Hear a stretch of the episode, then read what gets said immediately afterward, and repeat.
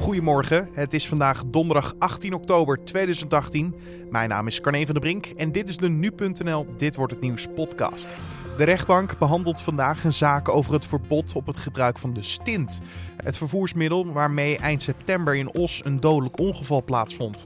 Kinderdagverblijf Het Kinderstraatje wil de stint weer kunnen gebruiken.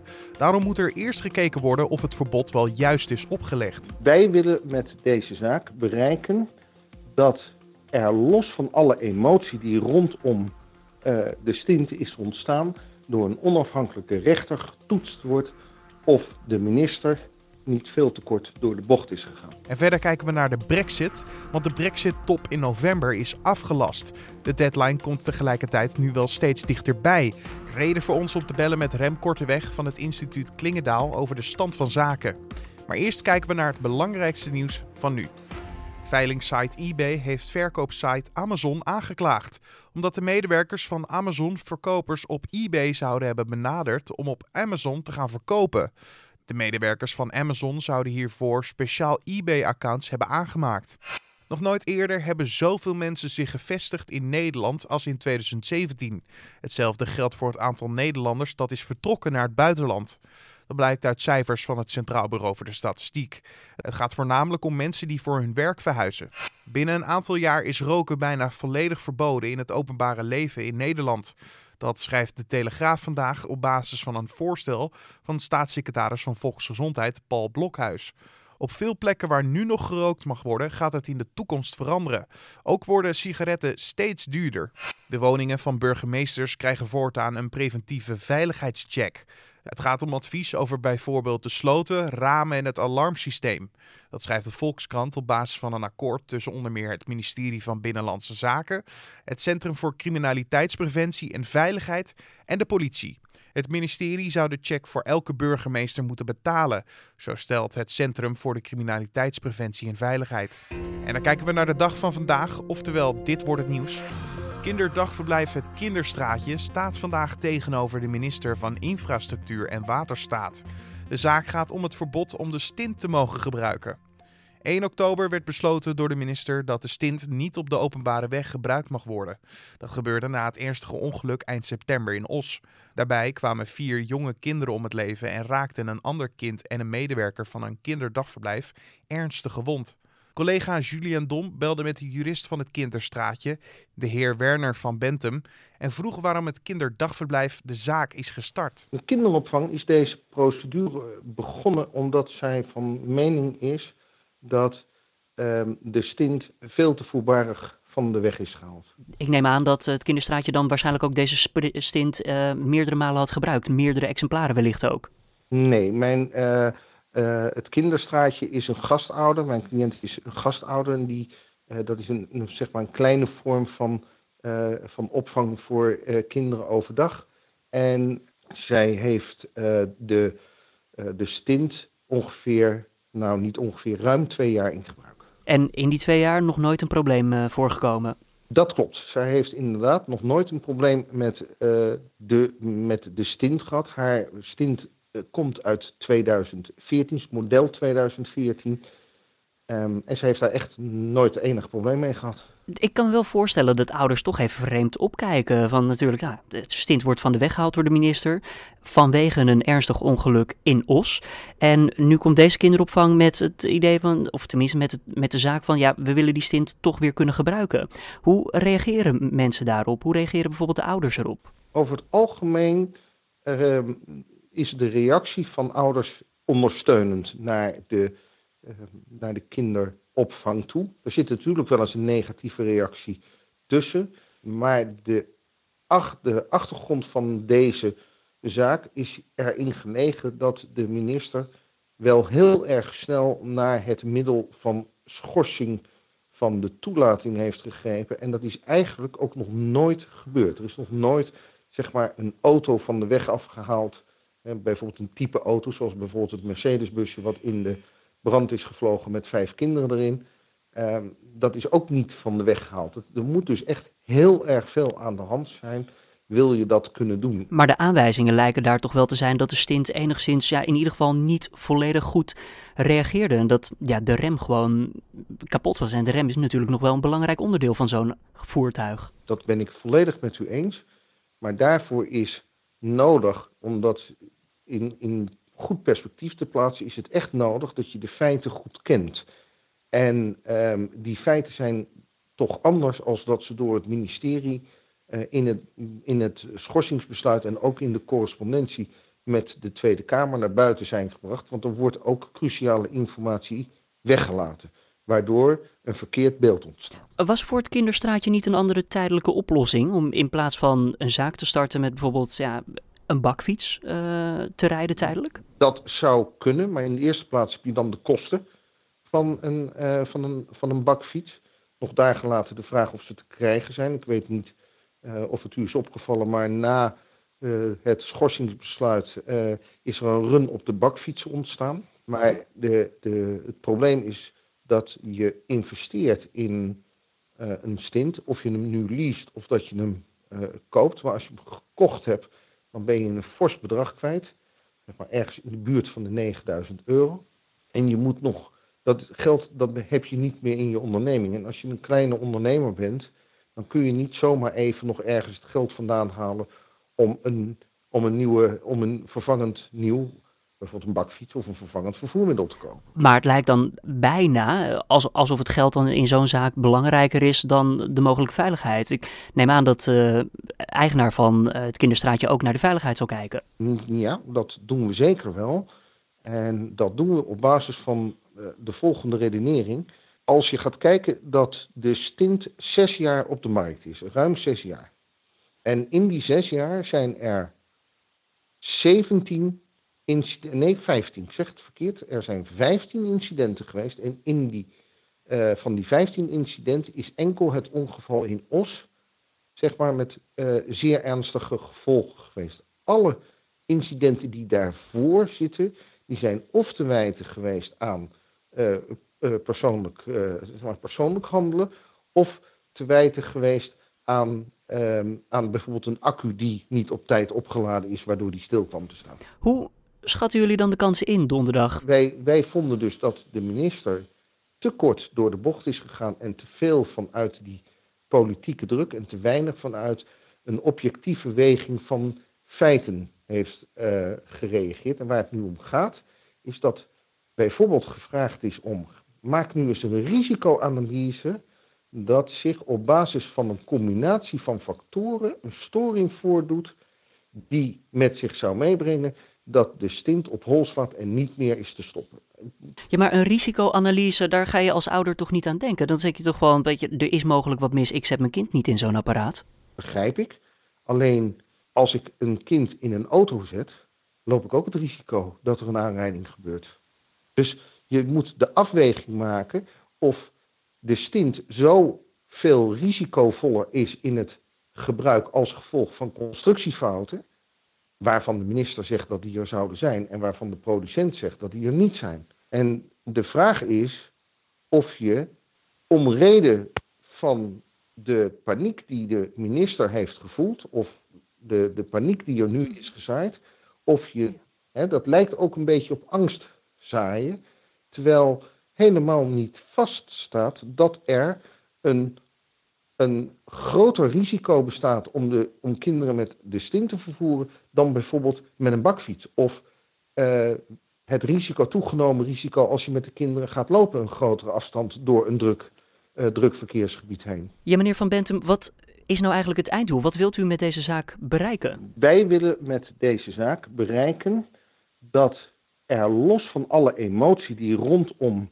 uh, de stint is ontstaan, door een onafhankelijke rechter getoetst wordt of de minister niet veel te kort door de bocht is gegaan. Want wij gaan er namelijk van uit dat de, de professionals in de kinderopvang ook zelf voldoende uh, in staat zijn om te weten hoe ze zorgvuldig met een stint moeten omgaan. De jurist van het kinderdagverblijf Het Kinderstraatje, Werner van Bentum, hoorde je.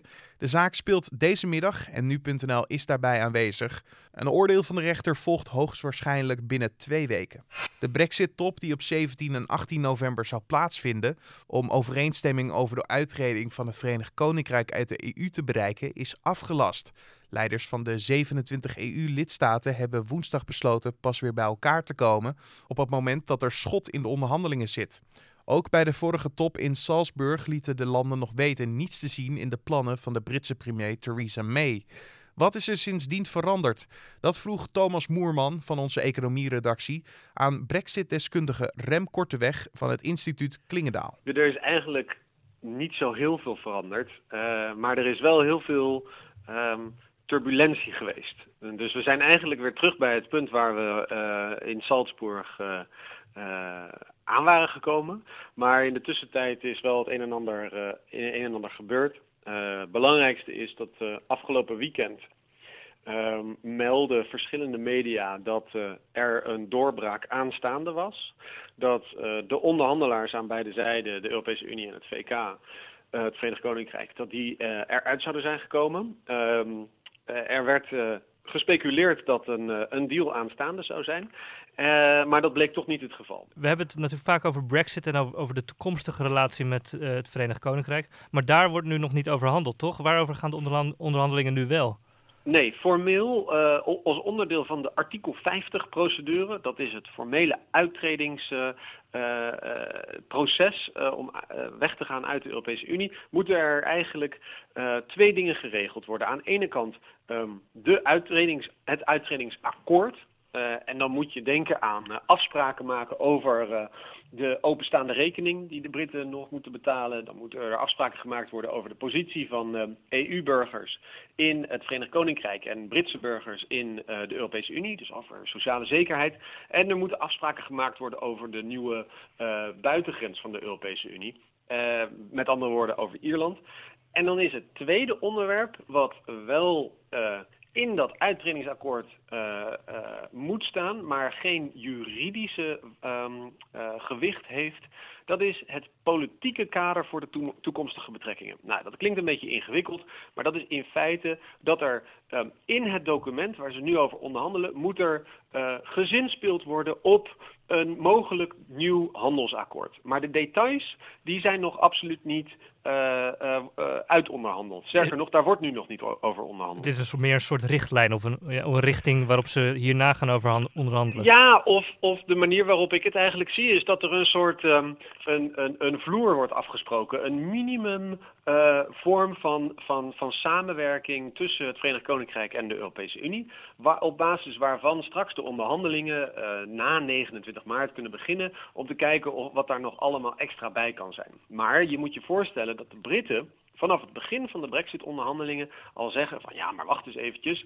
Wij gaan niet zomaar 39 miljard uh, pond aan de Europese Unie betalen als wij niet zeker weten wat we ervoor terugkrijgen. Lees een, uh, een nieuw handelsakkoord. Dus het zijn de Britten die uh, aan het drukken zijn om zoveel mogelijk detail over die toekomstige handelsrelatie nu al uh, uh, uitgekristalliseerd te hebben. Deze ontmoeting dus, uh, van deze week die werd eerder nog als het uur van de waarheid gezien. Maar, maar nu is er toch al rustig, een beetje voorzichtig gezegd dat er toch nog misschien een paar weken nodig zijn. Misschien gaat het naar december nog, wordt er nog onderhandeld. Gaan deze onderhandelingen door tot 29 maart 2019? Nou, la, laten, we, laten we hopen van niet. Want het probleem waar we dan tegenaan lopen, en daarom werd altijd gezegd dat oktober deze EU-top zo belangrijk is, is nadat er een akkoord gesloten uh, wordt, dan uh, moet uh, het akkoord naar het Britse parlement en naar het Europees parlement om geratificeerd, om bekrachtigd te worden. Nou, daar gaan enkele weken, zo niet maanden overheen, want die parlementen die willen daar de tijd voor nemen, die willen daar een goed overleg over kunnen hebben. En dus als je terugrekent vanaf 29 maart, werd er gezegd van nou, oktober zou wel eens het moment kunnen zijn. Tegelijkertijd werd snel geconstateerd van nou, als het niet oktober is, dan kan het ook wel november worden. En nu zitten we in een scenario dat als het niet november wordt, dan kan het misschien ook nog wel voor kerst. Uh, het probleem waar, waar we straks mee te maken gaan krijgen als je die, um, die, die deadline gaat oprekken, is dat... Uh, enerzijds het, uh, het Britse parlement zich wil uh, kunnen uitspreken over een, uh, over een akkoord voor 29 maart.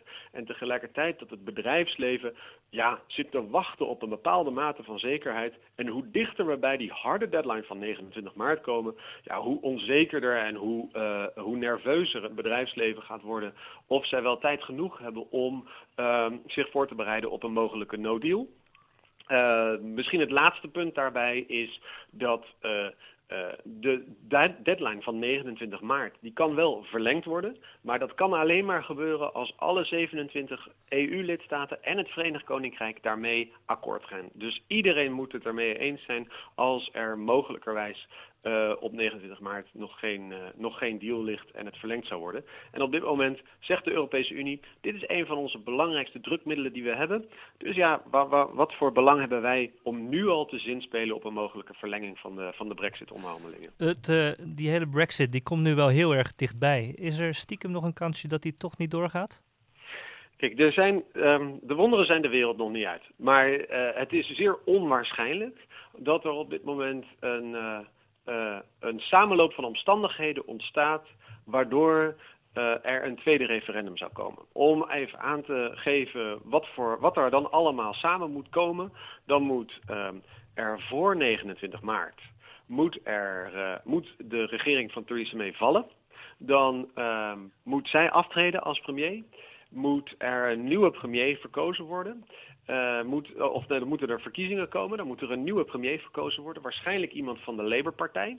Dat is onduidelijk of Jeremy Corbyn, de huidige leider van de oppositie, of die voor een tweede referendum zou willen gaan of niet, dat weten we niet zeker. En daarnaast zou in dat tweede referendum, wat er dan komt, zou dan ook nog, um, uh, zou dan ook nog de uh, het resultaat zo moeten zijn dat mensen, ja, uh, als het ware, uh, het eerste referendum ongedaan willen maken. Daar zitten zoveel stappen dat um, we gaan dit weekend een hele grote demonstratie in, in Engeland zien van mensen die zeggen dat er zo'n people's vote moet komen. Maar om dat politiek voor elkaar te krijgen, dan gaat er nog echt wel wat water door de Theems stromen eerst. Uh, en daar zijn we nog zeker niet. Rem Korteweg van het instituut Klingendaal hoorde je in gesprek met Thomas Moerman. Vandaag is de uitspraak in een zaak omtrent de prostitutiemoorden. Albert B. wordt verdacht van het doden en verkrachten van twee vrouwen in Rotterdam ruim een kwart eeuw geleden. Een DNA-verwantschapsonderzoek zette de politie begin vorig jaar op het spoor van de Schiedammer. Zijn DNA kwam overeen met sperma dat bij de vrouw was gevonden. Tegen de man is een gevangenisstraf van 20 jaar geëist. 17 piloten hebben een kort geding aangespannen tegen Ryanair vanwege de beslissing van het bedrijf om de basis op Eindhoven Airport volgende maand te sluiten.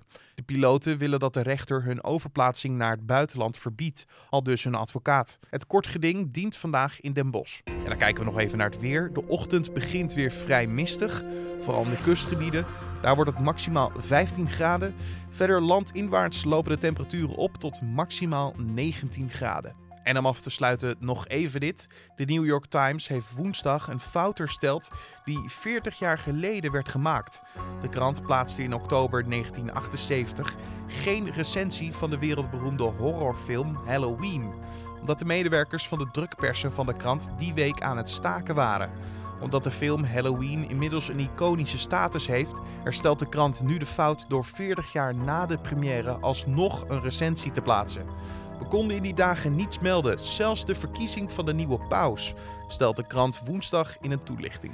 Dit was dan de Dit wordt het nieuws podcast voor deze donderdag 18 oktober.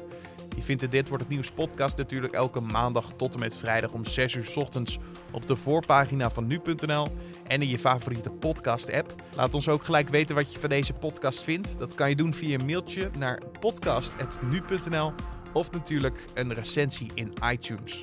Mijn naam is Carne van Brink. Voor nu een fijne donderdag en tot morgen.